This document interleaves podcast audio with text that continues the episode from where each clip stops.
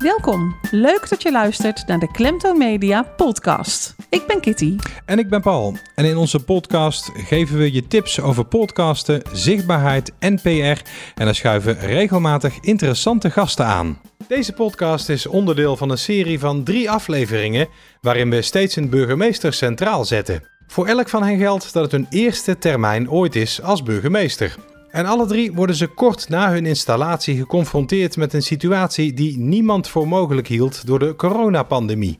Anderhalf jaar nadat de eerste besmetting in Nederland een feit was, blikken wij met hen terug op een bizarre tijd. Onze mobiele podcaststudio is eh, vandaag opgebouwd in de burgemeesterskamer van de gemeente Vijf Herenlanden. Want eh, we zijn te gast bij burgemeester George Freulich. Welkom in onze podcast. Hartelijk dank. Leuk om bij jullie te zijn. Nou, dat vinden wij ook.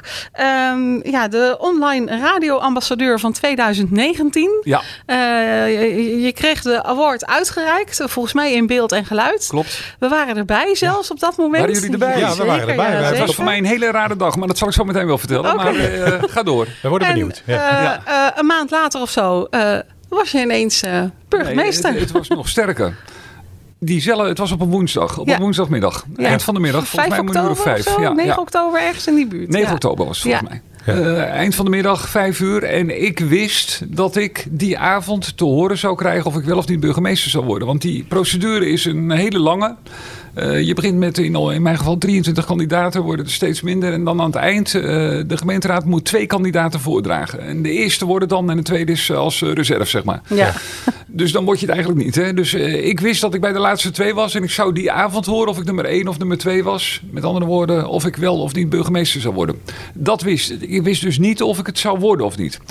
Maar het was natuurlijk heel raar voor mij. Want die dag uh, ja, werd ik online uh, radioambassadeur voor het jaar dat zou volgen. Ja, Terwijl ik in mijn achterhoofd wist, ja, de kans is dat ik vanavond een heel ander vak uh, ga doen. Ja. Dus ik zat er een beetje met gemengde gevoelens. Want een burgemeestersprocedure is ook helemaal geheim. Dus ik, niemand die daar was wist dat ik ergens mee bezig was. Nee. Dus ja, dus ik zat daar een beetje ongemakkelijk die prijs of die award in ontvangst te nemen. Maar ja, ik denk, ja, als ik nu ga zeggen, ik wil dat niet, dat is ook heel raar. Ja. Hè? Want Ja. ik kon ook niet uitleggen waarom ik het dan niet Nee. zou willen. Nee. Dus ik heb het maar gedaan. En ja, ik heb ook gezegd later, en dat is ook zo. Kijk, ik eh, zal altijd een ambassadeur voor de radio blijven. Dus ik vond dat het wel kon. Maar het, Ja. was, het, was, het was wel een beetje ongemakkelijk. Ja, Ja. Een beetje dubbel gevoel. Ja, wel. heel Ja. dubbel gevoel. Ja. De koptelefoon Ja. nog half op en de Ja, ketel ja, al en half de om. al op. Ja, Ja, ja, zo, precies. dat was het beeld inderdaad. Ja, dat klopt. Dat Ja, nou, eh, zoals Kitty net al zei, wij waren daar ook bij in beeld en geluid in Hilversum. Maar voor ons kwam het niet ongemakkelijk over eh toen jij de prijs in ontvangst nam. Gelukkig, Dus, eh, gelukkig. Nee, maar zeker, ik was ja. er ook heel trots op. Hè. Ik was er ook heel blij mee. Want ja, het is toch wel heel mooi dat ze je daarvoor vragen. Ja, Eh, zeker. dus, eh, en eh, het was natuurlijk op basis wat ik daarvoor had gedaan bij BNR. op het gebied van podcast en, en smart radio. Dus ja, ik, ik, ik, ik was er ook heel verguld mee. Dus ik vond het ook heel erg leuk. Alleen ja, dacht ja, jullie moesten eens weten, dacht ik. ja, ja, ja, bijzonder Ja, en een paar ja. dagen later wist iedereen Ja, het. Ja. toen dacht iedereen van, wat, is Wat krijgen we dit nu? nu? Ja, ja, ja, Ja, ja. Ja, nu, dus, ja. nu dus burgemeester Ja. van eh, ja, een mooie gemeente in, eh, ja, in, in de Betuwe, mogen we dat zo zeggen? Ja, Grenzend aan de Betuwe? Grens Betuwe. Wij zijn met hele gemeente, het is een grote gemeente qua oppervlakte. Wij liggen tussen de Lek en de Lingen, zeg maar. hè. En achter de Lingen begint echt de Betuwe. Maar wij Ja. hebben wel inderdaad de uitloop van de Betuwe, die, eh, die, die vind je hier wel, zeker. Nou, zullen luisteraars ongetwijfeld eh, zoiets hebben van ja, George Freulich, maar dat is toch ook die, eh, die DJ die we nog kennen van jaren 80, Heel eh, Radio geleden, 3, ja, eh, 3 Magic FM. Friends, ja, ja, precies, ja. de Ja, Magic precies, Friends samen ja. met Peter De Plezier. Magic Ja. Friends En- van het station. Ja, Precies, ja, dat is hem. Precies, dat is de, dezelfde dus, dat ja, ben jij ook. dat is dezelfde. Ja, Ja. zeker. Zeker wel wat ouder en wat grijzer geworden, zoals Ja. jullie zien. Maar het is nog steeds dezelfde. Zeker. Ja, ja, Ja, nou dachten wij dat wij lang teruggingen qua eh, radiocarrière. Maar jij kan er ook wat van. Wij zijn in, nou jij 89, 89, en oké. ik dan 91 begonnen. Ik ben in 82 begonnen op. Hilversum 3. Toen, Oké. toen heette het nog Hilversum 3. Dus Gelijk is, eh, landelijk toen? Ja, gelijk eh, landelijk. Ja. Zo, ja. ja. nou, ik ben qua radio ben ik nog eerder begonnen. hoor. Dat was eind jaren 70 dat ik echt al, ook hier in de buurt in Meerkerk, is een van de dorpen van onze gemeente. Daar woonde ik met mijn ouders en, Ah, eh, en ons gezin. Langs de A27. Ja, klopt, klopt, klopt, klopt. En daar hadden wij een piraat en daar ben ik begonnen. Radio Bernardino heette dat. En wij maakten elke zondag een eh, uitzending. En daar ben ik mijn radiowerk begonnen, zeg maar. En eh, in eh, 1982 ben ik bij de NCRV eh, begonnen. Dus dat is nu ook alweer eh, ja, bijna 40 jaar geleden. Ja. Zeg ik dat goed? Ja. Ja, 40 Ja, jaar Ja, geleden. klopt. Ja, ja, inderdaad. Volgend jaar 40 Ja. jaar geleden. Ja. En eh, daarna, tenminste ergens ook daarna eh, eh, BNR. Ja. BNR Nieuws, eh, Nieuwsradio? Ja, BNR Nieuwsradio. Ja, klopt, klopt. Hoofdredacteur geweest? Ja, daar Ja. ben ik eh, zeven jaar lang hoofdredacteur geweest. Op een gegeven moment eh, kreeg ik eh, problemen met mijn eh, stem. eh, een jaar of tien geleden. Eh, toen was het eh, voor mij, ja, je hoort het nu nog een beetje natuurlijk lastig om te gaan presenteren. Dus toen ben ik eerst wat, eh, laat ik zeggen, eh, leidinggevend werk bij de NPO gaan doen. eh, in het zendermanagement van Radio 2. Ik heb eh, voor Radio 1 de sportzomer gedaan als hoofdredacteur. In eh, 2012 was dat. En vanuit vooral die klus ehm, eh, ja, kwam bij mij het bericht van ja, bij BNN zoeken ze een nieuwe hoofdredacteur. En het leuke van die sportzomer was, dat was drie maanden lang Radio 1. Alle omroepen bij elkaar geveegd. En één programma, één station maken. Want ik vind nog altijd het probleem van de publieke omroep dat je allemaal omroepjes hebt. En die doet dat uurtje, Ja. die doet dat uurtje. Vanuit de verzuiling natuurlijk. Vanuit de hè? Verzuiling, Ja. begrijpelijk. Maar Ja. ik vind niet meer echt van deze tijd. En voor die sportzomer hadden we bedacht... we gaan gewoon met z'n allen, met de beste mensen van alle omroepen... één station maken. En dat was heel erg leuk. En in die tijd hebben we ook al tegen elkaar gezegd... eigenlijk zijn we nu een beetje BNR aan het spelen. Want BNR was natuurlijk één station. Ja. En dat gevoel had ik ook heel erg. En eh, nou, toen eh, werd ik gevraagd om te solliciteren op eh, het hoofdredacteurschap van BNR. Dat was in 2013. En eh, daar ben ik toen begonnen. Dus dat was heel bijzonder. En Ja. eh, dat heb ik zeven jaar lang mogen doen. En eh, ja, behalve een nieuwsstation hebben we daar ook echt wel een podcastbedrijf van kunnen maken. Ja, ja, want dat, ja, als ik aan BNR denk, denk ik gelijk aan podcast. Ja, nou dat is ook precies de we bedoeling. Ja, precies. Ja, Is die geslaagd? Klopt, Ja, is die ja, geslaagd. Ja, ja, ja, ja, ja, zeker. Ja. Ja. Mooi. Ja, ja en eh, je zegt ik kreeg, ik kreeg eh, problemen met mijn stem. Dus Ja. eh, presenteren, dat zat er niet meer in. En toen dacht je op een gegeven moment, nou dan word ik maar burgemeester. Dan hoef ik niet zoveel te praten. Nou, je moet nog steeds veel praten als burgemeester natuurlijk. Hè. Dat, eh, dat, nee, kijk, het burgemeesterschap is natuurlijk echt wel iets anders. Maar het is wel een, een ambt wat ik van kinds af aan heel erg bijzonder vond. Eh, ik vond het altijd leuk. Eh, altijd, eh, ja, van ja, je bent met zoveel verschillende onderwerpen en mensen in aanraking. Dat sprak me heel erg aan. Ik had alleen één probleem. Ik had al heel leuk werk, namelijk bij de radio. Ja. Dus er was voor mij geen enkele reden om iets anders te gaan doen. Nou ja, toen eh, gebeurde dit in de gemeente waar we nu zijn. En dat, dit is mijn gemeente. Ik kom oorspronkelijk uit Meerkerk. Ik woon alweer twintig jaar in Schonewoerd, ook een dorpje in onze gemeente. Dus ik kom hier gewoon vandaan. Ja. En ik zag dat hier een grote fusie gaande was tussen drie voorgaande gemeentes. eh, Leerdam, eh, Vianen, Zederik. En ja, ik zag dat er een hele mooie gemeente aan het ontstaan was. Ook met de nodige strubbelingen met de fusie. Een provinciegrens die verschoven moest worden. Maar toen dacht ik, ja, ze hebben ook een burgemeester nodig. Dus ik, ja, toen ben ik me echt gaan verdiepen in het vak. Of ik het echt zo leuk vond als ik dacht. Nou ja, ik werd alleen maar enthousiaster. En toen heb ik gedacht, ja, ik ga het gewoon proberen. Ik ga gewoon solliciteren. Ja. En eh, we zien wel wat Ja. schip strandt. Ja. En, Maar eh, wel heel bijzonder, want je, je bent partijloos. Ja, Eh, hebt hiervoor nog nooit eh, in de gemeenteraad gezeten, eh, Nee. wethouderschap, Nee, eh, nee, nee. andere zaken in de politiek. nee. Toch, toch heel bijzonder dat je dan eh, gewoon burgemeester bent geworden. Ja, nee, dat is ook wel bijzonder. En eh, dat is natuurlijk vooral ook wel eh, te danken aan de gemeenteraad. Die uiteindelijk zegt... eh, kijk, vroeger werd een burgemeester eigenlijk vanuit Den Haag... vanuit de Tweede Kamer, vanuit de partijen... werd, werden burgemeesters een beetje verdeeld. Ja, Ja. Er gestuurd er, eh, eigenlijk. hè. ja, nou, er, werd, er kwamen er een paar posten vrij. En zei, nou, Partij van de Arbeid heeft nu wel aardig wat burgemeesters. Eh, VVD is er een van de beurt. Hebben jullie kandidaat? Nou, VVD, ja, we hebben Pietje Puk. Nou, dan werd hij burgemeester van Delfzijl, hè, om, om maar eens wat te noemen. Ja. Dus dat werd allemaal een beetje geparachuteerd vanuit de partijen. Dus je moest inderdaad als burgemeester ook wel lid zijn van een partij, anders kon het niet. Wat er nu gebeurd is eh, al een aantal jaren geleden, is dat die eh, benoeming eh, heel erg veranderd is. Namelijk dat de gemeenteraad echt een heel belangrijk, zo niet het belangrijkste stempel heeft in die benoeming. Dus er komt een vertrouwenscommissie uit de gemeenteraad. Meestal zijn dat de fractievoorzitters. En die bepalen gewoon wie de nieuwe burgemeester wordt. Los van welke partij. En ik denk dat het in mijn geval zelfs een voordeel was dat ik niet lid was van één partij. Want dan, hè, dan ja, denken andere partijen ook niet, hij trekt een partij voor of, of hij is tegen mij of weet ik veel wat. precies. Want de burgemeester staat in principe boven de partijen. Ik vind eigenlijk, kijk, in zijn functie is een burgemeester automatisch partijloos. Want je moet neutraal zijn en boven de partijen staan. Nou, ik ben helemaal eh, sowieso partijloos. Ik ben niet lid van een politieke partij, dus ik vind het alleen maar een voordeel. Ja. Ja. Ja. je zei het net al heel even, de provinciegrens moest verschoven worden. Eh, eh, dat betekent dat sommige, sommige kernen, of één kern die eerst onder Zuid-Holland viel, eh, nu Nou, onder twee Utrecht zelfs. Hè. Twee Eh, zelfs. ja, want Vianen viel al onder Utrecht. Maar eh, Zederik en Edam vielen onder Zuid-Holland. Ja. En dat werd nu Utrecht. En dat is een, eh, dan zou je denken, ja, provinciegrens, waar hebben we het over? Maar dat is in de hoofden van de mensen is dat toch wel eh, van belang. Die denken toch, ja, wij zitten toch een beetje in de Alblasse Waard in Zuid-Holland. Wat moeten wij opeens bij dat Utrechtse? Ja, ja. Uh, dus daar was ook wel uh, onder de bevolking veel oppositie tegen. En ja, ik heb inmiddels, dat vond ik ook van tevoren, maar dat blijkt nu ook. Wij zitten echt heel erg goed in Utrecht. wij zijn in Utrecht nu een hele grote gemeente. Dus ook qua inwonersaantal is 60.000. En ja. qua oppervlakte, oppervlakte zijn we de allergrootste van de provincie inderdaad. Ja. En we staan dus echt op de kaart in Utrecht. We kunnen daar echt via de provincie ook dingen bereiken. In Zuid-Holland, als je kijkt naar het, waar wij nu zitten, het stadje waar we nu zitten, Leerdam. Ja, Zuid-Holland had natuurlijk heel weinig oog voor Leerdam. Zuid-Holland is Leiden, Den Haag, Rotterdam. Ja. Ja. ja en niet aan de rand en, ja, en, ja, en stadje. Leerdam, uh, zal er nooit van gehoord. Ze waren nee. er nooit geweest. Terwijl de kaas is het bekend en van het glas. zal ik de kaas en glas, ja. dat weet je dan. Maar voor de rest weet je amper wat hier gebeurt. En in Utrecht hebben wij nu een hele goede positie. En uh, ja, dat komt dus ook ten goede aan de inwoners. Dus uh, ja, ik ben nog steeds heel erg blij dat we bij Utrecht horen. Ja. ja. Nou, je zegt er was veel oppositie. Is dat inmiddels wel wat. Um, nou, dat, dat is natuurlijk wel ook een cultuur. En dat zit in de aard. Wat je niet echt in twee. We zijn nu net twee jaar bezig. krijg je niet zomaar weg. En plus zitten, er zitten soms sommige dingen gewoon tegen. Wij hebben eind vorig jaar een enorme schadeclaim uh, gekregen. En dat had te maken met een zaak die meer dan 40 jaar geleden, jaren 70, in Vianen heeft gespeeld. De toenmalige gemeente heeft een fout gemaakt bij een groot betonfabriek, betonpalenfabriek.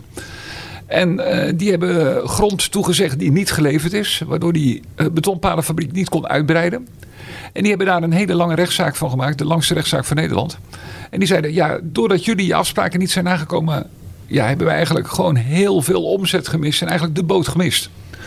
Nou, dat heeft tientallen jaren heeft zich dat voortgesleept. En daar is vorig jaar, december, afgelopen december, een uitspraak over gekomen.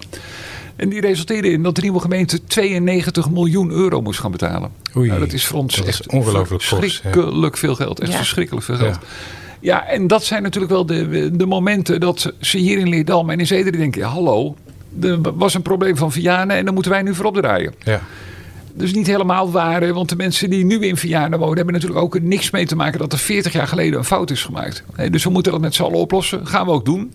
Maar als je vraagt van, uh, zijn al die sentimenten weg? Nee, die zijn nog niet weg. Nee. nee. Maar ik kan me ook wel voorstellen, als je uh, in zo'n uh, dorp, stad woont en geboren bent in die provincie. En ja. Je, ja, je moet ineens veranderen, hè, want zo voelt ja. het dan toch. Ja. Uh, naar een andere provincie. Dat is toch ja, bij sommige mensen toch wel heel lastig, lijkt me. Ja, maar dan zeg ik altijd. Uh, er zijn uh, bij ons heel veel mensen uit Leerdam of uit Meerkerk die bijvoorbeeld in Gorkum op school zitten. elke dag op de fiets. Ik heb ook elke, vroeger elke dag op de fiets 12 kilometer naar Gorkum gereden.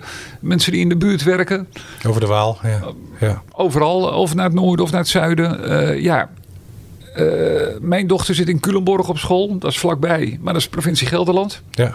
Ja, die heeft echt niet opeens, uh, als ze op de fiets staat, een drempel. Ik zit nu in de provincie Gelderland. Nee, je voelt het ook niet, hè? Nee, nee dat merkt het niet. Nee. Van, nee, nee, dus wij hebben ook wel. Uh, dus je kunt er heel moeilijk over doen. Wij hebben nu gezegd, nou, je ziet daar de kaart voor onze gemeente.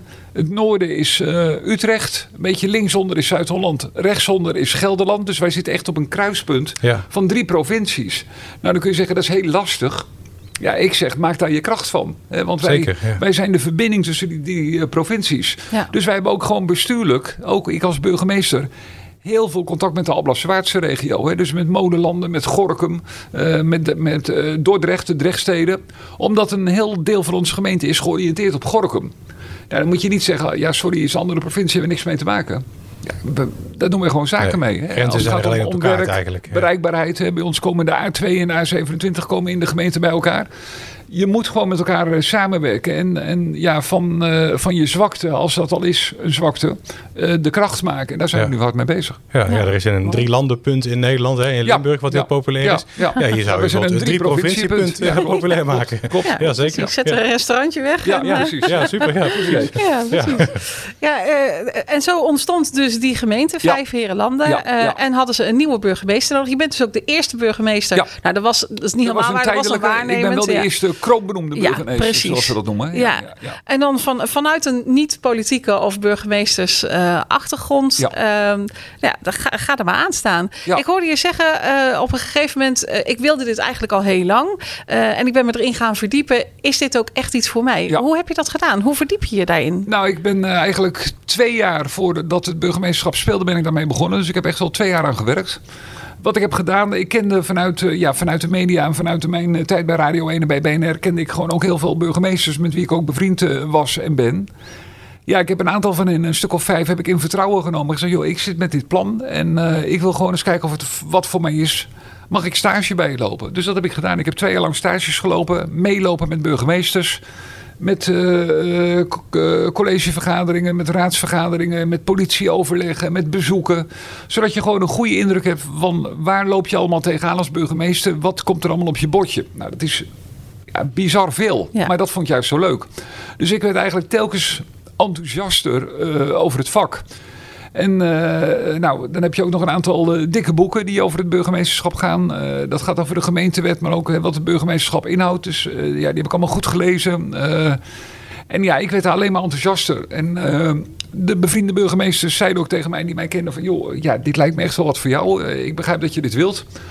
Nou, toen kwam wel een beetje de, wat we noemen de reality check. Toen ben ik naar de commissaris van de Koning gegaan in Utrecht. Eerst naar de kabinetchef en Bas Thomas. En eh, ik zei, meneer Thomas, ik ben uh, Jos Freulich van de radio. Ja, hij kende mij. Ik zeg, ik wil Dat voordeel, burgeme- ja. burgemeester worden. Ja. Oh, oké. Nou, ik kende hem ook wel een beetje met de programma's die ik had gedaan. Dat ik eh, inderdaad vroeger als plaatjesrijder begonnen ben, maar me wel inhoudelijk heb ontwikkeld. Ja. Dat ik ook hoofdredacteur ben van een bedrijf. eh, BNR, daar werken zo'n 130 mensen. Eh, dus dat ik ook wel kan leiding geven. Maar hij zei als eerste eigenlijk, en daar was ik achteraf heel blij mee. Hij zei, ja, eh George, dit is een nieuwe gemeente. 60.000 inwoners, een ingewikkelde fusie. Hoop te doen. Het ligt niet voor de hand om daar een beginnende burgemeester op te zetten. Daar moeten we gewoon eerlijk in zijn. Dat is Ja. niet logisch. Ja, en hij zei, kijk, al die bevriende burgemeesters van jou, die vinden jou een aardige vent. En die zeggen niet zo heel eh, duidelijk tegen jou, Jos, Jos, dat gaat het niet worden. Hoe het echt zit, ja. Oké. Ja. Dus hij was de eerste die zei van nou, het is niet onmogelijk, maar het is niet logisch. Nou, dus ik, ja, ik droop een beetje af eigenlijk na dat gesprek. Jammer. En ik ja. naar huis. Ja. Ja. Nee, ik kreeg een andere reactie. Ik had natuurlijk even teleurstelling, maar ik dacht van nou, dat zullen we nog wel eens zien. Ah, Ja, kijk. Dus ik werd, eh, ik werd heel wel. erg gemotiveerd. En ik heb Bas Ja. ook gebeld s'avonds. Zeg, eh, Bas, dank eh, voor het kritische woord. Dat had ik ook eigenlijk echt wel even nodig. Ik zeg, ik realiseer me dat het een, eh, een hele lastige eh, wedstrijd voor mij wordt. Maar ik ga hem wel spelen. Hij zei, nou, dat waardeer ik enorm. En eh, doe je best. Ja. Nou, en toen ben ik eh, ervoor gegaan. eh, gesolliciteerd. Vertrouwenscommissies gedaan. En ja, uiteindelijk ben je het dan geworden. Dus Ja, ja, dat, is, ja. eh, dat is wel heel, heel bijzonder. Ja. Ja, heb, heb je nooit gedacht van als ik nou had geluisterd naar hem en gewoon ja, ook, ook, ook eh, me door hem had laten beïnvloeden van nou ja, inderdaad beginnend, beginnend burgemeester gaan ze dan Ja. niet, niet opzetten. Ik solliciteer maar niet, want het wordt hem toch niet. Nee. Ja, dat had gekund. Ja. Eh, maar dat ligt niet helemaal in mijn karakter. Nee. En eh, ik moet ook zeggen, heel eerlijk, ik, ik had natuurlijk een luxe positie. Ik had een hele leuke baan bij BNR. eh, waar ik ook, daar wist natuurlijk ook niemand het, dat ik dit ging doen of dat ik dit plan had.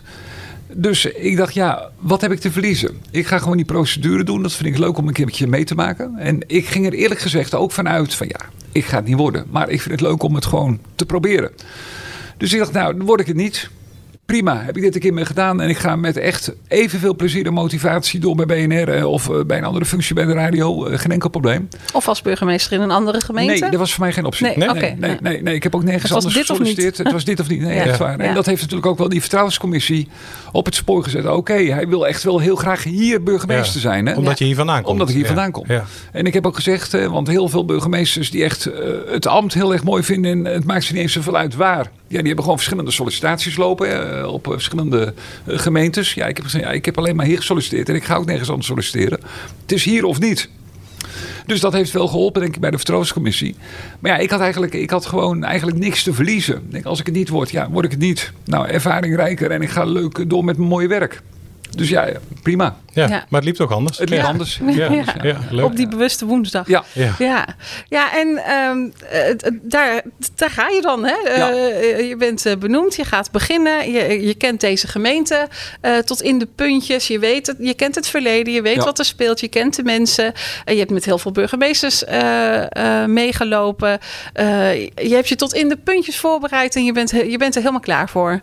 En toen kwam corona. Corona, ja, nou, kijk, dat, dat helemaal klaar voor. Daar moet ik ook echt eh, even een, een, komma zetten. Want je bent eh, echt niet, als je zomaar begint, helemaal klaar voor het burgemeesterschap. En dat, dat is echt, dat merk ik nu. Ik ben nu twee jaar bezig bijna. Ja, ik leer echt letterlijk elke dag heel veel. En Ja. eh, het is echt wel... Ook de ervaring, eh, hoe lopen dingen, wat is je rol, dat is echt gewoon zoeken. Dus je bent nooit, en zeker niet als je begint, je bent nooit klaar voor de burgemeesterschap. Maar je hebt gelijk, eh, ik was een paar, nou ja, twee maanden ongeveer bezig. Eh tweeënhalve maand. Ja, toen, eh, toen begon corona. Ja, En ik heb dan nog het geluk gehad. Andere burgemeesters zijn in de coronatijd begonnen. Thuis. Gemeentehuis leeg. ja, En eh, ga maar je nieuwe gemeente leren kennen. Ja. Kijk, ik had natuurlijk het enorme voordeel dat ik de gemeente, wat je zegt, heel goed kende. Dus Ja. ik, ik kende alle sportclubs, alle organisaties, de mensen.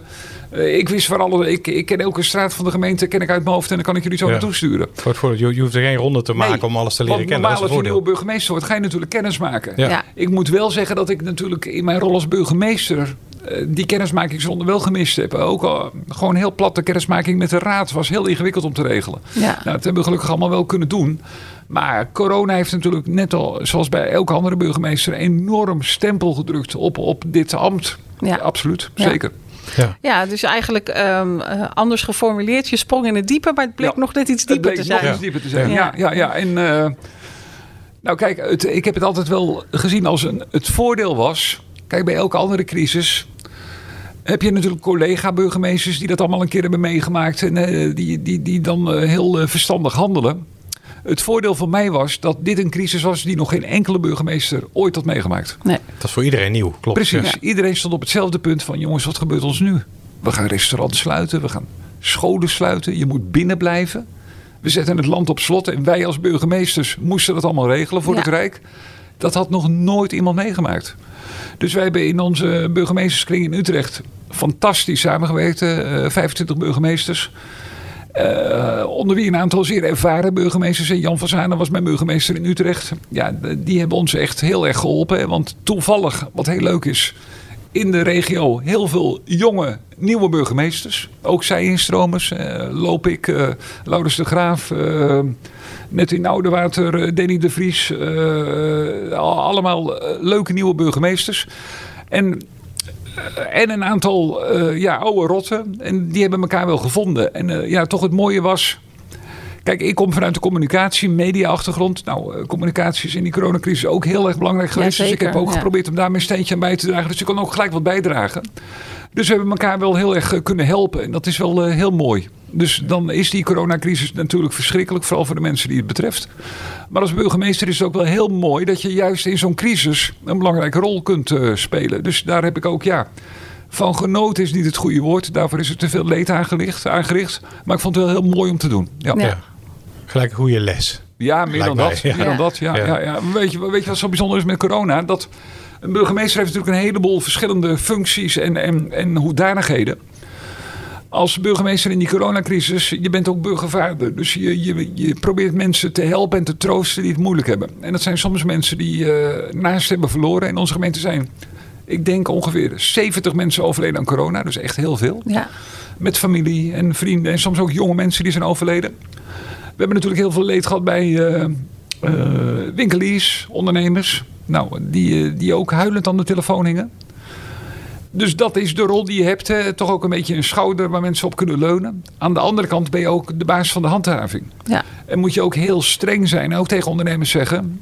Beste vriend, we hebben nu twee keer een waarschuwing gedaan in je café. Je bent toch open. Je gaat gewoon voor een half jaar dicht of voor drie maanden gaan we de tent sluiten.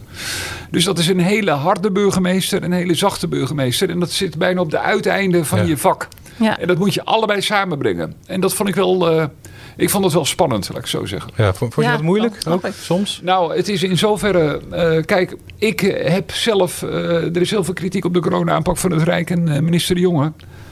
ik heb hem altijd kunnen volgen. En eh, ik heb dus nooit iets hoeven verkopen wat ik, eh, waar ik niet achter stond. En dat maakt het wel een stukje makkelijker. Ja, Er zijn wel ja. dingen geweest die ik niet kon uitleggen. Een voorbeeld, op een gegeven moment was een jaar geleden, begin van de coronacrisis, waren de campings dicht, omdat ook alle toiletgroepen dicht waren.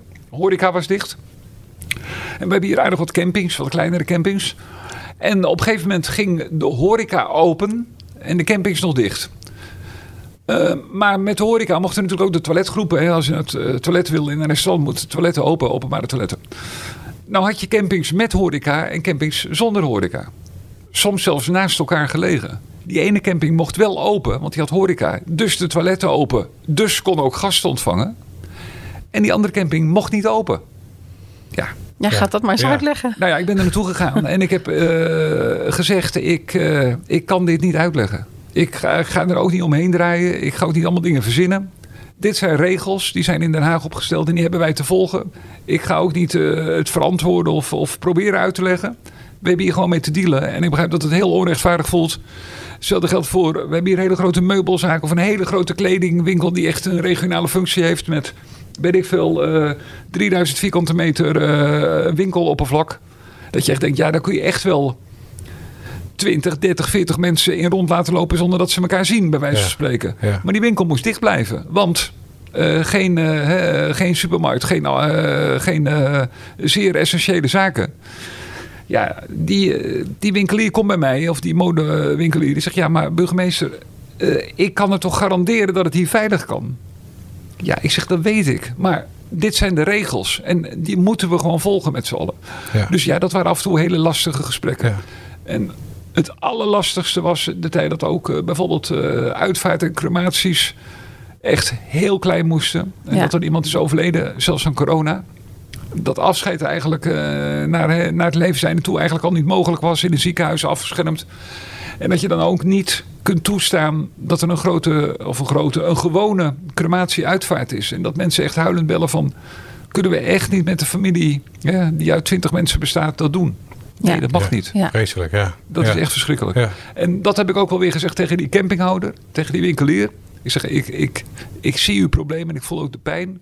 Maar ik zeg, ik heb net ook een telefoontje gepleegd, dat ging ergens anders over. Ja. En dus er worden hele grote offers gebracht, letterlijk en figuurlijk. Eh, en we moeten gewoon met z'n allen doorbijten. Ja. Maar het belangrijkste is, blijf met iedereen in gesprek. Dat, dat is Ja. wel mijn les. Heb je, heb je tijdens die periode ook eh, geschakeld met Den Haag? Zo van, ja, maar jongens, die regels. En, Tuurlijk. en, dat- en dat voorbeeld uitgelegd van die Ja. campings bijvoorbeeld. Ja, tuurlijk, tuurlijk. Nee, kijk, wij hadden natuurlijk het veiligheidsberaad, waar de burgemeesters van de 25 grote gemeentes in zaten. En die hadden elke week overleg met eh, de ministers, met eh, de minister van Justitie en Veiligheid en de minister van Coronazaken. Eh, met Graphaus en de jongen. En eh, voordat dat, eh, die vergadering er was, kwamen wij als Utrechtse burgemeesters bij elkaar. En werd er gewoon geïnventariseerd. Waar loop jij tegenaan? Precies wat jij zegt. Ja. Nou, dat lijstje werd meegenomen. En soms kun je ook zonder Den Haag wat oplossen. Ander voorbeeld. eh, we hebben hier in Vianen een hele grote macro-vestiging. En van de macro wordt gezegd en werd gezegd... groothandel mocht open blijven. Ja. Maar de macro is ook een grote supermarkt. Eh, de macro is ook een zaak waar je natuurlijk allerlei eh, tv's en andere apparatuur kunt kopen. En we hebben hier ook gewoon twee elektronica zaken in Leerdam. En een heleboel in Vianen in de stad. Die moesten dicht en winkels waren dicht. Ja. En die zagen gewoon eh, mensen uit de macro met een tv komen. Want die kon je daar wel kopen. Ja. ja. Dat is wel heel krom. Dat is een ja. ingewikkelde. Ja. Wat je dan gaat doen is dat je als burgemeester in gesprek gaat met de directeur van de macro. Ik zeg, het mag wat u doet. Dus ik ga het niet verbieden, kan niet eens verbieden. Maar u maakt deel uit van onze gemeente, eh, van het maatschappelijke leven in de gemeente. Denk even na hoe andere ondernemers hier naar kijken. En wat zij toen hebben gedaan, en dat vond ik echt fantastisch. Ze zeiden, oké, ik begrijp het probleem. Ik gooi de bovenverdieping waar alle non-food zat, die gooi ik dicht. Dus mensen konden alleen maar gewoon boodschappen doen, wat ze ook bij de Albert Heijn kunnen doen. En echte bedrijven die grote dingen nodig hadden, grote inkopen, echt voor een bedrijf. Dat kon natuurlijk, hè, want daarvoor waren ze open. Maar je kon daar niet meer een tv kopen. En eh, Ja. je ziet dus ook dat er ook wel eh, ja, veel solidariteit was. Dat is Ja. ook mooi om te zien. Dat is een mooie actie Ja. inderdaad. Ja. Eh, Super, ja. Ja. Ja. Ja. even terug naar die, die periode eh, ja, dat je net burgemeester eh, was en dat corona er nog niet was. Ja. Ehm, welke plannen had je toen voor de, voor de gemeente, Vijf Herenland? Vijf heren landen. Vijf ja, heren landen, ja, het zijn een heleboel. Ja. Eh, nee, vijf. Nee. Ja, vijf. Eh, vijf heren, hè, gaat het over. Ja, Niet vijf landen, vijf vijf heren. heren. ja. Nee, eh, welke plan had ik nou? Voor mij was het echt wel van belang om die, eh, om die fusie, en daar zijn we nog lang niet, om die fusie echt goed te laten landen. Dus dat mensen eh, zichzelf echt comfortabel bij de gemeente voelen en dat ze zien, oké, we zijn een nieuwe gemeente, we zijn een grotere gemeente. Want de fusie was al afgerond. Die was Dat al afgerond, ja. Die Ja. was net een paar maanden klaar. We zijn een grotere gemeente, we horen bij een nieuwe provincie. Ehm, maar ik zie daar de voordelen van. Dat wil ik graag dat de inwoners dat zien. Daarvoor is het belangrijk dat eh, mensen die nu in eh, stadjes en dorpjes wonen in onze gemeente. Ik woon zelf in Schonewoerd, een klein dorp. Ja, de mensen die daar wonen, die wonen gewoon in Schonewoerd. Die gaan niet opeens zeggen, ik woon in vijf landen. En je moet Schonewoerd ook Schonewoerd laten zijn. Ja, ook niet- met niet de cultuur die bij die eh, dorpjes hoort. Ja. Dus wat we hebben gedaan is ook echt eh, wijkambassadeurs bij elk dorp of stadsdeel zetten. Als een soort linkingpin naar de gemeente. We hebben in het college, we hebben zes wethouders. Er zijn eigenlijk eh, bepaalde gedeeltes verdeeld onder de wethouder. Van joh, daar ben jij de, eh, laat ik zeggen, de, de, de wethouder van. De, de wijkwethouder noemen we dat dan. Zodat die mensen ook zelf echt binnen hun eigen wijken of binnen hun eigen dorp dingen kunnen regelen. Want je moet niet allemaal dingen van bovenaf eh, gaan, eh, gaan opleggen. Nou, dat werkt goed, alleen dat heeft gewoon nog veel meer tijd nodig. En dat was voor mij belangrijk dat mensen aan de ene kant het gevoel hebben: ik blijf gewoon in Leerdam wonen, of in Zijderveld of in Meerkerk. Dat verandert niet. Maar ik eh, pluk wel de vruchten van dat wij een grotere gemeente zijn geworden. Ja. Nou, dat, zal, dat was mijn doel en dat is het nog steeds. Oké, dus daar ben je nog steeds druk mee bezig. Zeker, Om dat, zeker. vorm Ja. te geven. Ja, Ja. klopt, klopt. En dat eigenlijk is dat nooit af. En eh, kijk, de nieuwe periode, volgend jaar weer nieuwe verkiezingen. Kijk, de voorgaande verkiezingen, die bij ons ook iets later waren vanwege de herindeling. Ehm, dat was natuurlijk toch nog een afspiegeling van de drie voorgaande gemeentes. De uitslag van die verkiezingen. We hebben nu voor het eerst, voor mijn gevoel, volgend jaar hebben we eigenlijk de eerste verkiezingen van vijf hele landen. Ja, is heel, eh, en dat geldt ook voor het college wat straks gevormd gaat worden. We hadden nu nog eh, vier wethouders uit Vianen, eentje uit Leerdam en eentje uit eh, Zederik. Ik hoop en verwacht dat we straks gewoon echt een raad en een college krijgen dat uit vijf landen komt. En dat, ja, daar zie ik wel naar uit. Dus dat vind ik wel mooi. En verwacht je dan dat er dan ook iets wezenlijk verandert daardoor? Ja, ik denk het wel. Ik denk eh, dat, eh, dat iedereen dan inziet. ja, wij, wij zijn als eh, bijvoorbeeld in de raad, wij zijn er voor de hele gemeente. Ja. Wij zijn er voor de hele gemeente. En natuurlijk ben je als raadslid vertegenwoordiger van een groep. En dat kan ook een groep uit een bepaalde gemeente zijn. Mensen op wie jij gestemd hebt. Of die op jou gestemd hebben. Maar ik, het is gewoon van belang, zeker bestuurlijk, dat wij echt als één gemeente gaan opereren. En dat we gaan kijken. Kijk, het is natuurlijk ook best wel ingewikkeld. Er moest heel veel geharmoniseerd worden. Van in, het ene, de, in de ene gemeente was wel hondenbelasting, in de andere niet. Ja. je bent straks één gemeente. Zondag openstelling, ook een ingewikkeld in onze gemeente. Ehm, hoe ga je om met eh, de subsidiëring van sportclubs? Eh, De ene gemeente ja, die heeft daar heel veel in geïnvesteerd. En de voetbalclub kreeg daar een prachtig complex. In de andere gemeenten eh, zitten ze op een, voet- op, op een weiland te voetballen.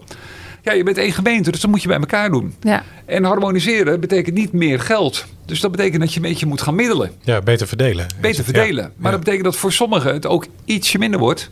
Zodat je de ander weer een beetje kunt helpen. Ja, daar komt natuurlijk altijd gedoe over. Ja, Hondenbelasting afgeschaft. Nou, mooi, fijn. Maar eh, dat scheelt ook weer inkomsten. ja. Moet ergens vandaan Moet komen. ergens toch? vandaan komen. Ja. Dus ja, eh, dus eh, dat horen harmoniseren. Dat, dat, dus ik heb ook altijd wel gezegd, de eerste periode na een herindeling, een fusie, is voor zowel raad als college is niet de meest dankbare periode. Dus ik heb wel het gevoel dat we vanaf de komende periode echt kunnen gaan bouwen. Dus daar zie ik ook wel naar uit. Toch een behoorlijke taak als ik dat zo hoor als, als ja, beginnend burgemeester, als ik het zo mag, mag Ja. zeggen. Zeker. Ja, toch, ja, toch, toch bijzonder. Maar ook wel eh, leuk om te horen en te zien dat je gewoon ja, eh, burgemeester bent in de eh, regio waar je bent, zelf bent opgegroeid. Ja, dat is heel bijzonder. hè. Dat, dat, Ja. dat gebeurt niet vaak. En ik praat ook vaak met collega-burgemeesters. Ja, die hebben altijd, zeker nu in deze markt. je moet, de burgemeester is de enige, het enige beroep in Nederland waar je verplicht moet wonen waar je werkt. Hè. Ja. Je moet binnen de gemeentegrenzen Klopt, wonen. Ja, dat is voor heel veel burgemeesters is dat op, dit moment echt heel erg ingewikkeld. Om, om een woning te vinden in de gemeente waar je woont. Ja. Ja. En heb je ook nog bijvoorbeeld tijd. als je Neem een gemeente als Wassenaar, wat een kleine gemeente is, veel kleiner dan vijf landen. Maar de huizen zijn er wel een stukje duurder. Ja. En eh, laat ik zeggen, het salaris van de burgemeester is afhankelijk van hoeveel inwoners je hebt. Hè? Ja, Dus ja, burgemeester van Wassenaar die heeft echt geen top, top, top salaris. Maar die, moet, die kijkt er wel aan tegen Ja. huizen van een miljoen eh, die Ja, die die helemaal die zelf niet kan. Ja, Dus, dat is wel heel dus- bijzonder. en hij moet zelf een woning Ja. zoeken ook. Ja, hè. Dus, ja, precies. Ja. Dus, Ja. eh, dus eh, en dat waren de, buiten dat je ook eh, je kinderen mee moet nemen natuurlijk, een nieuwe omgeving. Want eh, papa heeft een andere baan, dus eh, de hele familie moet eh, gaan verhuizen. Ja, Ja, dat had ik allemaal niet, dus dat was een groot ja. voordeel. Ja, precies. Ja, ja, dat scheelt een hoop. Ja. En als je nu zo terugkijkt op eh, ja, twee jaar burgemeesterschap eh, inmiddels, eh, met alle eh, hobbels eh, die daarbij bij horen. Ja. Ehm, je bent ongetwijfeld gegroeid in je rol, maar je bent misschien ook jezelf als mens wel eens tegengekomen in die Ja. periode. Nou, ik, ik, ik vat het eigenlijk zo samen. Want mensen vragen dan van, eh, ja, valt het mee of valt het tegen? Eh, nou, ik zeg er altijd, ehm, het valt niet mee, maar het is leuker dan ik dacht. En daarmee wil ik mooi, zeggen dat het af en toe echt, echt ingewikkeld is. Zeker als het echt persoonlijk eh, drama betreft. Hè. Je komt natuurlijk af en toe Ja. op, nou ja, weet je, dan gaat het om bijvoorbeeld dodelijke ongelukken of... Weet je wel, een jongen van 21 die zich doodrijdt, een zelfmoord. eh, mensen die hun huis uitgezet eh, zijn en op straat eh, moeten wonen. Eh, dat zijn natuurlijk verschrikkelijke dingen allemaal. Ja, ja dat went Eh, nooit. dat, dat went nooit. nee. Eh, daarnaast heb je natuurlijk mensen die eh, eh, als, als, als bestuurder, als politie- politicus, eh, dus dat geldt voor de raad en voor het college, maak je afwegingen wat het beste is voor het algemeen belang. En als je dan een beslissing neemt, is er altijd wel iemand of een organisatie die daar de dupe van wordt. En ja, met die mensen leef ik heel erg mee. En dat, dat, dat kan, ik noem maar een voorbeeld. Mensen die een heel mooi huis hebben. En daar wordt een eh, grote woonwijk of een appartementencomplex tegenover gebouwd. Ja, dat is belangrijk, want we hebben heel hard woningen nodig. Dus dat is in het algemeen belang dat die woningen en dat appartementencomplex daar eh, eh, gebouwd wordt. Maar die mensen hadden tot vorig jaar vrij Ja. uitzicht Ja. In een ja. prachtig huis. Ja, dus die zijn heel verdrietig. Ja, En ik begrijp dat. zeker. Ja. Ja. Dus Maar het gaat wel die door. mensen praten en eh, vertellen. En dan probeer ik dit ook uit te leggen. Van. Dat elke beslissing die je neemt, heeft gevolgen. En wij proberen... Ja, en daar kun je het mee eens zijn of niet mee eens zijn. Wij, kunnen, wij proberen de meest verstandige afweging te maken. En de mensen die het slachtoffer worden van een bepaalde beslissing... zoveel mogelijk te helpen, te compenseren, nou, whatever. En dat heb je natuurlijk op een heleboel dossiers. Hè. Dat heb je, en ook heel veel mensen zeggen... ja, goed moet je doen. Hè. Of het nou om windmolens gaat of asielzoekers moeten we allemaal opvangen. Dat vind ik heel erg. Maar op het moment dat het, eh, het opvangcentrum... eh, 100 meter verderop komt, dan zijn mensen daar toch even. eh, kijken ze er toch een tikje anders naar. Niet in mijn achtertuin, hè? zo Dat denkt, is zo. eh, denkt en, eh, iedereen. en ik eh. begrijp dat, want ik, ja, ik woon in Schonewoord ook heel mooi aan de Diefdijk. En ik zou het helemaal niet leuk vinden als er in mijn achtertuin een windmolen komt. Dus Nee. dat begrijp ik. Ja. Maar we moeten wel met z'n allen die eh, energietransitie, die moeten wij doen. Hè, ik bedoel, kijk, wij zitten hier begin september met elkaar te praten. Het is 28 graden buiten. Dat is gewoon niet normaal. Nee, precies. Klopt. En ja. eh, we hebben de overstromingen, eh, we hebben de bosbranden. Er is gewoon iets aan de hand en we moeten daar iets mee. En dat betekent dat wij ook moeilijke beslissingen moeten nemen over, over windmolens in onze gemeente. En waar je ze ook zet, de mensen daar in de buurt zijn er niet blij mee. En ik begrijp dat. Ja. Dus wat je dan gaat doen is met die mensen praten en zeggen: waar, eh, waar zit nou echt de pijn? Waar heb je last van? Nou, sommige mensen hebben last, dat begrijp ik heel goed. eh, Op zonnige dagen dat dan de hele tijd de slagschaduw van die wiek. Ja, daar word je gek van. Ja. Dus dan gaan we kijken met de eh, leverancier. eh, tussen juni en september. Mag hij tussen 2 en 4 uur 's middags. staat die windmolen gewoon stil. Oh, die wordt gewoon stilgezet. Die wordt stilgezet. Ja. Dus daar zijn mogelijkheden om, Ja. om mensen toch een beetje tegemoet te komen. En dan zijn ze nog niet blij, maar dan zijn ze wel een beetje geholpen. En, en zo moet je kijken. En dat is echt wel een rol van, als burgemeester. Om te kijken of je partijen bij elkaar kunt brengen. Ja. En eh, ja, dat vind ik ook wel mooi als dat dan lukt. Ja, verbinden, middelen. Ja, Ja, ja, dat, zeker, ja, zeker. ja, dat is zeker heel mooi. Mooie, mooie opdracht Dat is een mooie opdracht. me. Ja, Ja, zeker. absoluut. Want dat is een van jouw taken, neem ik aan. Dan om, eh, hè, want ik hoor jouw windmolens eh, eh, zeggen. Daar ligt een belangrijke taak in jouw gemeente. Ja, zeker. Nou ja, kijk, eh, natuurlijk gaat eh, de wethouder erover die over de energietransitie eh, gaat. Die gaat daar inhoudelijk over. Maar natuurlijk wordt de burgemeester aangesproken op het feit door inwoners van burgemeester. Wat krijgen we nu? We krijgen opeens windmolens in de tuin en actievoerders en dat soort. En die willen er ook de burgemeester spreken. Ja, dan ga ik natuurlijk niet onder de tafel eh, zitten. En dan Nee, eh, ga nee. ik niet afschuiven, joh, moet je lekker met de wethouder. Dus dan ga ik samen met de wethouder met die mensen in gesprek. En dan ja, probeer je eruit te komen eh, in de wetenschap dat je mensen natuurlijk nooit helemaal tevreden zult krijgen. Dat, dat gaat niet lukken. Dat gaat niet lukken. Ja. Nee. Ja. Maar aanpassingen om inwoners meer tevreden te houden. Eigenlijk, Ja. dat is het. Ja. En wel goed te luisteren. Want eh, soms is er gewoon. Kijk, het is nooit zo dat mensen alleen maar tegen zijn om het tegen zijn. Je moet echt wel luisteren naar een verhaal. En dan kijken, oké, eh, daar kunnen we wat aan doen. Daar kunnen we wat aan doen. U zegt dit, maar dat is niet zo. Dat klopt gewoon niet helemaal. Hè. Dus je kunt ook gewoon eh, op, een, op een goede manier eh, tegenargumenten geven van nou, Ja. dat is niet zo. Nou, dan, dan hoop je dat je tot elkaar komt. En dat, dat is toch altijd het grote doel. Dat je toch, en natuurlijk wat ik zeg, we hebben bijna 60.000 inwoners. Wij kunnen niet alle 60.000 op alle 365 dagen van het jaar tevreden houden. Dat gaat niet lukken. Maar je gaat gewoon, en dat probeer je uit te leggen, de meest goede beslissing voor het algemeen belang te nemen. Ja. Is daardoor het burgemeesterschap eh, moeilijker geworden eh, dan pak een beetje 50 jaar geleden? Door dat, door dat ja, het typische polderen, zal ik maar zeggen. Nou, kijk, ik kan dat natuurlijk niet helemaal goed beoordelen. eh, want 50 jaar geleden, toen was ik er wel, maar nog geen burgemeester. Nee, kijk, wat het burgemeesterschap wel ingewikkelder heeft gemaakt... is dat de burgemeester wel veel meer taken... en ook bevoegdheden op het gebied van openbare orde en veiligheid heeft gekregen. Eh, als politie ben je natuurlijk het gezag van de... eh, als burgemeester het gezag van de politie en van andere hulpdiensten. Maar ook bestuurlijk. eh, als hier de hennepkwekerij in een winkel of, of een huis wordt gevonden... dan is het de burgemeester die zo'n woning moet sluiten. Dat, dat ligt bij ons. Als iemand dreigt zichzelf of zijn omgeving iets aan te doen, dan moet de burgemeester tekenen voor gedwongen opname en gedwongen medicatietoediening. Ja. Nou, dat zijn hele grote verantwoordelijkheden. Eh, ondermijning, hè, waar de onderwereld en de bovenwereld elkaar eh, raken, eh, dat is ook hier aan de hand. Hè. We hebben een groot uitgestrekt landelijk gebied met heel veel schuren en boerderijen. Ja, er gebeuren soms dingen die je niet horen. Ehm, daar heb je als burgemeester een belangrijke taak. Dus juist op dat gebied van openbare orde en veiligheid zijn de taken van de burgemeester eh, zwaarder geworden. Eh, en en eh, nou ja, nou, daar moet je wel heel zorgvuldig mee omgaan en daar moet je ook heel goed door eh, over laten adviseren. Ja, waar ik eh, eigenlijk ook nog wel nieuwsgierig naar ben, is wat heb je meegenomen uit je radiocarrière Ja. naar dit eh, ambt? En dan heb ik het eh, even niet over het hoofdredacteurschap, Nee. want dan snap ik het wel. Hè? Je moet Ja. dan ook besturen, leiding geven eh, en een punt op de horizon Ja. zetten, zeg maar. Ja, ja. Maar, maar daarvoor, zeg maar, de, de, Ja. de presentator, de. de Ja, plaatjes draaien, zoals je Nou ja, het was wel meer dan dat Ja. natuurlijk. Maar, Ja, maar ja, je, je noemde zelf de term. Ja. Ja, ja, ja, ja, Nee, zo nee, begon het ooit. Gewoon als plaatjes draaien hoor. Ja. Eh, maar wat, wat heb je daaruit Nou- meegenomen? Of wat neem je daaruit mee? Nou, wat ik daaruit meeneem, kijk, ehm, de belangrijkste competentie voor een burgemeester is van mensen houden. En het leuk vinden om met mensen te praten. Nou, dat, eh, dat had ik als presentator, als radiopresentator ook. Eh, dat heb ik altijd leuk gevonden. De programma's die ik deed, Stand.nl, Cappuccino.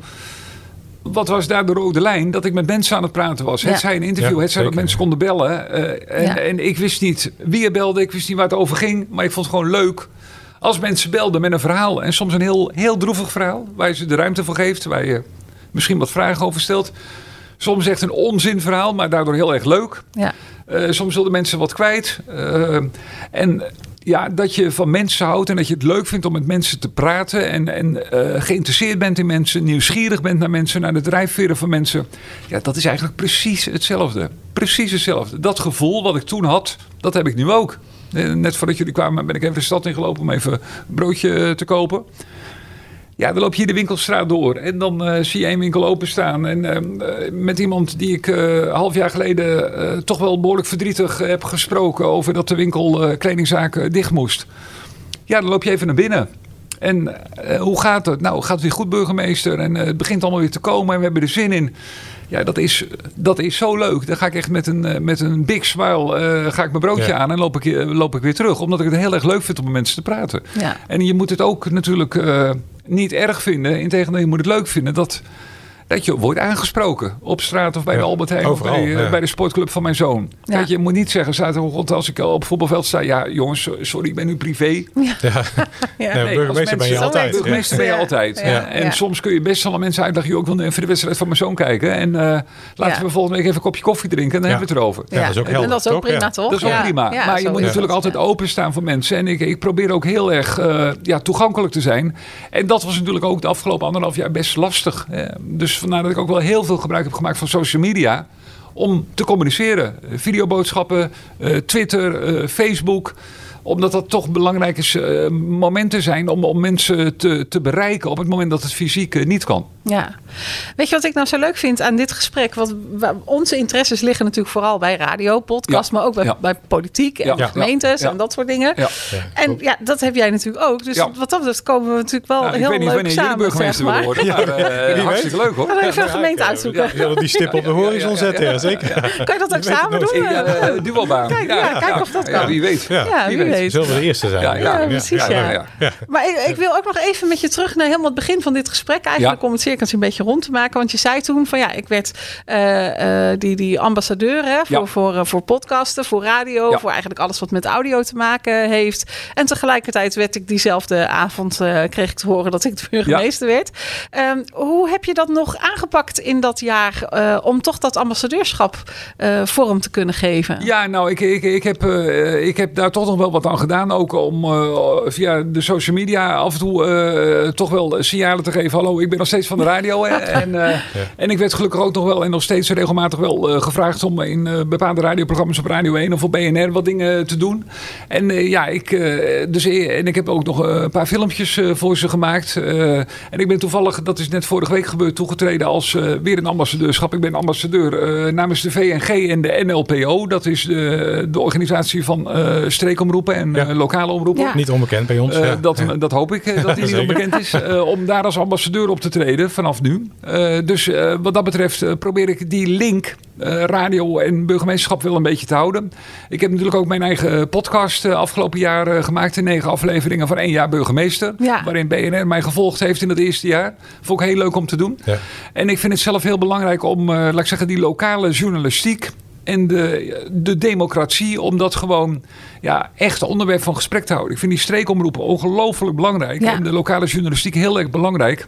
Wij zijn hier echt wel eh, in onze gemeente goed toebedeeld. We hebben een paar goede kritische journalisten die ons volgen. Eh, Algemeen Dagblad Rivierenland, RTV Utrecht, Het Contact en SRC, de streekomroep. Die volgen de gemeenteraadsvergaderingen, die volgen de collegebesluiten, die stellen daar eh, kritische vragen over. Maar ik weet dat er ook gemeentes zijn waar het eigenlijk helemaal niet meer is. En ik hoorde natuurlijk vorige week, eh, ik geloof dat de gemeente Almere was, die een eigen hoofdredacteur hadden aangesteld. Ja, dat Ja, was ook ja. een dat beetje moet je niet doen twijfelachtig. Dat Nee, moet je niet dat doen. is- Nee, nee. dat hebben ze Nee. ook weer teruggetrokken gelukkig. Heel snel, ja, heel snel. Dat, ja. eh, dat kan ook niet. Maar het is eigenlijk is het niet de schuld van de gemeente. Want de gemeente wil natuurlijk graag zijn besluiten naar buiten Ja. brengen. Ja. Ja, als dan blijkt dat, dat, gewoon, dat er eigenlijk te weinig interesse is in de gewone lokale journalistiek om dat te doen, dan ga je zelf wat dingen doen. Natuurlijk, Ja. we hebben ook een communicatieafdeling. Ehm, maar ik vind het heel belangrijk dat je die streekomroepen gebruikt om ook die lokale democratie op een goede manier verslag eh, te geven en ook eh, te controleren. Ja. Dat is belangrijk. Zeker, ja. Dus daar wil ik me echt eh, de komende tijd eh, ja, flink voor inzetten. ja. Oh, dat taak, klinkt, klinkt mooi, ja. Ja. Zeker, ja. Zeker, ja. Ja. En, en ehm, wat vind je van de ontwikkeling van de podcast in Nederland, zeg maar tot Ja. nu toe? Het kwam wat langzaam op gang. Dat kwam wat langzaam op gang. Nou, toen ik, ik, ik begon in 2013 eh, bij BNR. Nou, toen eh, al heel snel hadden wij door. En dat had ook met, eh, met het karakter van BNR als zender te maken. Eh, wij hadden een heleboel programma's die je niet per se op dat moment hoefde te luisteren. Programma's De Autoshow of Juridische Zaken. Dat werd al op dinsdagmiddag uitgezonden. Maar eh, wij, wij konden zien dat dat door heel veel mensen later werd teruggeluisterd Ja. Weet ik veel, eind van de dag als ze in de trein zaten of in de auto, weet je wel.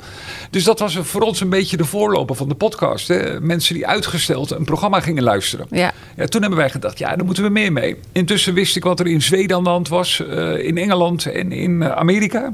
Dat die podcast heel groot aan het worden was. Ja.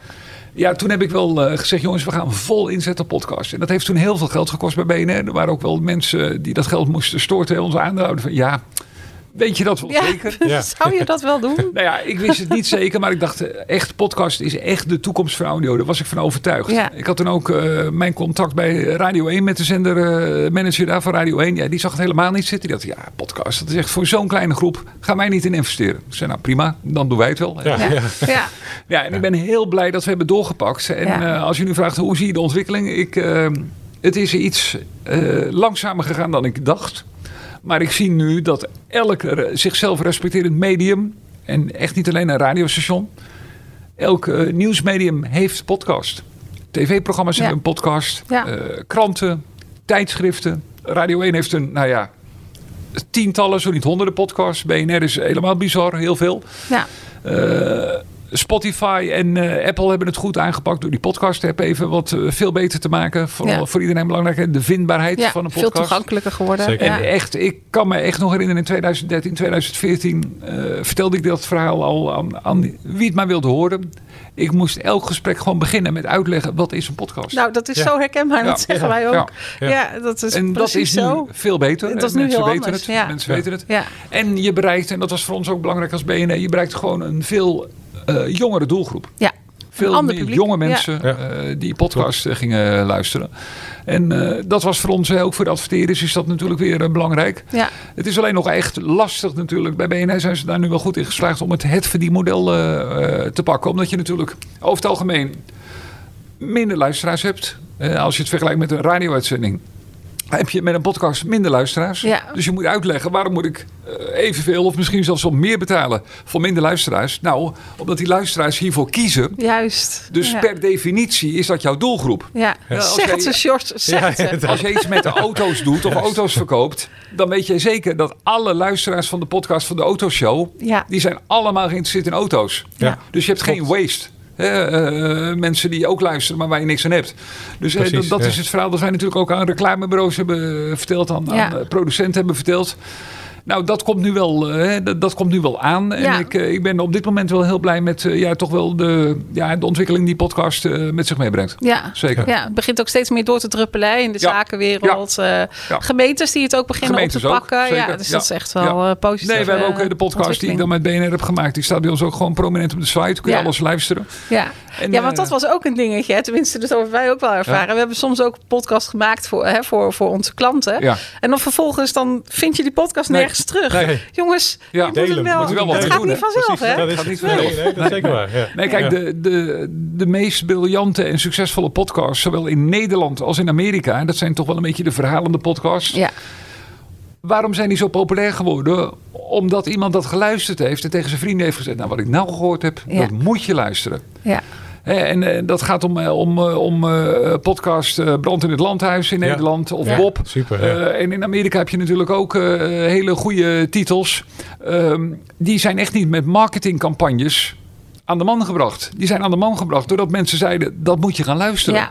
Dat is bij een podcast belangrijk. Hè? Dat, dat, dat, ja, de mond-op-mond reclame. ja. En dan uiteindelijk ontstaat er een sneeuwbaleffect. En heb je opeens een heleboel luisteraars. En eh, word je helemaal eh, hip. ja. Ja. Waar staat de podcast over vijf jaar, denk je? Nou, ik denk dat hij nog wel wat groter wordt. Eh, ik blijf overigens ook wel eh, geloven in gewoon live lineaire radio hoor. Eh, als ik in de Ja, het auto is zit. niet in plaats Nee. van, hè? Nee, nee, nee, nee. Het is aanvulling, hè? Nou, dat hebben wij natuurlijk bij ja. BNR ook al onderzocht. Want een heleboel mensen zeggen, ja, ben je je radiostation niet aan het... Ben je niet je eigen radiostation aan het beconcurreren met podcast? Nou, dat is niet het Nee. geval. Nee. Want mensen luisteren op een ander tijdstip Ja. naar podcast. En ik zelf heb ook behoefte, als ik in de auto zit 's morgens... wil ik gewoon even, in mijn geval Bas van Werven of Jurgen van den Berg horen... van, joh, wat is het nieuws? Ja, wat is er Ja. nu aan de hand? En ook, ik wil ook iemand horen die daar op dat moment live zit. Die mijn vriend is als presentator. Dus ik blijf ook heel erg geloven in live radio. Maar podcast zal zeker nog een grotere, prominentere plek innemen. Dat weet ik zeker. En waar staat eh, de gemeente Vijf Herenlanden over eh, vijf jaar? Nou, dat is een mooie vraag. Ja, nee, dan zijn wij eh, nog een tikje groter geworden. We hebben gelukkig... eh, Zes Herenlanden. Zes Nederlanden, ja, ze zal maar kunnen. Ja. Nee, kijk, wij, wij hebben nog heel veel plannen. We hebben, eh, ja, wij moeten, en dat vinden we ook leuk, woningen bouwen. Maar wij willen ook natuurlijk, hè, je ziet ook die kaart, hoe groen het is. Hè? We hebben natuurlijk, jullie zijn hier naartoe gereden en je zei al hoe mooi de omgeving is. Ja. Dat wil je ook zo houden. Tussen de boomgaarden rij je Ja. door. Ja. Daar rij je door. En je wil niet tussen die eh boomgaarden appartementencomplexen hebben. Maar onze jonge mensen willen wel gewoon in het dorp blijven wonen waar ze zijn opgegroeid. En onze ouderen die willen op een gegeven moment hun groot huis verkopen, maar nog wel in de omgeving, zelfs in het dorp blijven wonen. Dus daar moeten wij voor bouwen.